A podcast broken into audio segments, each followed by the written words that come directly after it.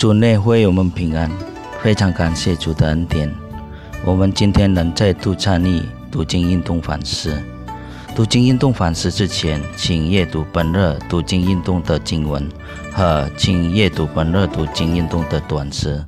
欢迎大家参与我们的复兴灵命每日灵修。今天的主题是展望疫情之后的教会。还没开始之前，我们来低头祷告。我们在天上的父，我们要感谢赞美你，今天赐给我们新的一天，新的力量。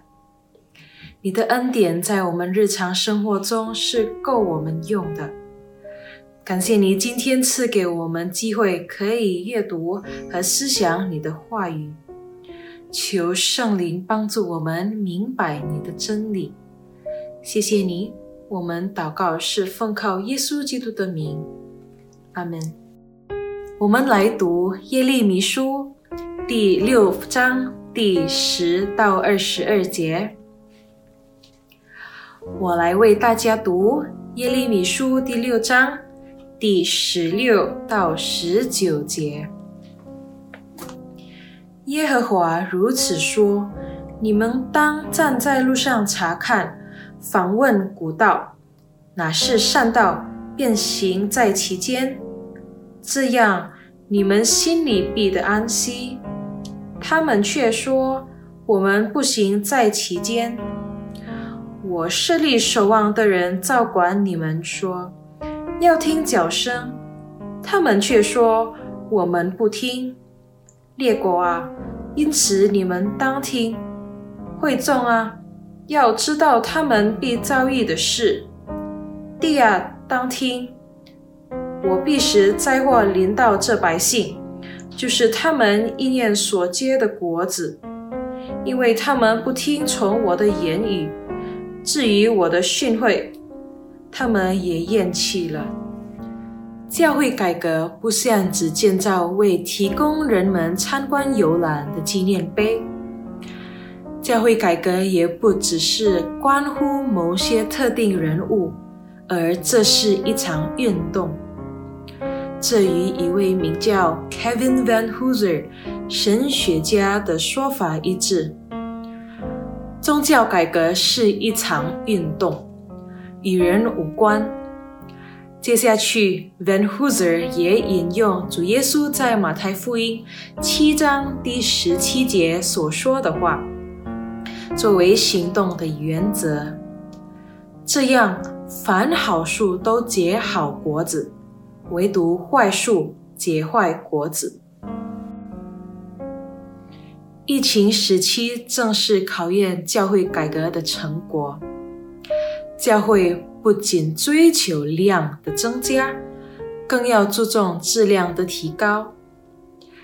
现今的教会应该有什么运动呢？今天教会改革成果的质量受到灵性衰退的威胁，因此教会必须走劳路。意思是，教会必须反省，不仅是怀旧而已。教会要采取行动，再也不依赖曾经有过的长盛，而是要归回走三条老路的方式。那是第一，纯正的神学；第二，圣洁的激情；第三，端正的生活方式。在疫情和继疫情之后而来的负面影响重压下。这三种方式可以使教会仍然结出优质的成果，同时不与世俗主义和实用主义妥协交友。现在正是教会通过归回健全的教义、神学观向前迈进的时刻了。请记住，各种迷惑人心的教导。绝不会罢休。信徒必须生活在上帝话语的真理中。基督徒必须重视并遵守上帝的命令，不要像耶利米先知时代的以色列人和过去的教会。这三条老路是在耶稣基督里，并透过耶稣基督得以实现，因为它是唯一的道路、真理和生命。记载约翰福音第十四章第六节。请问，我们的教会和身为基督徒的我们，是否在灵命上已进行了改革？我们祷告，天父，感谢你接着你的话语提醒我们，要不断的追求我们灵命的长进。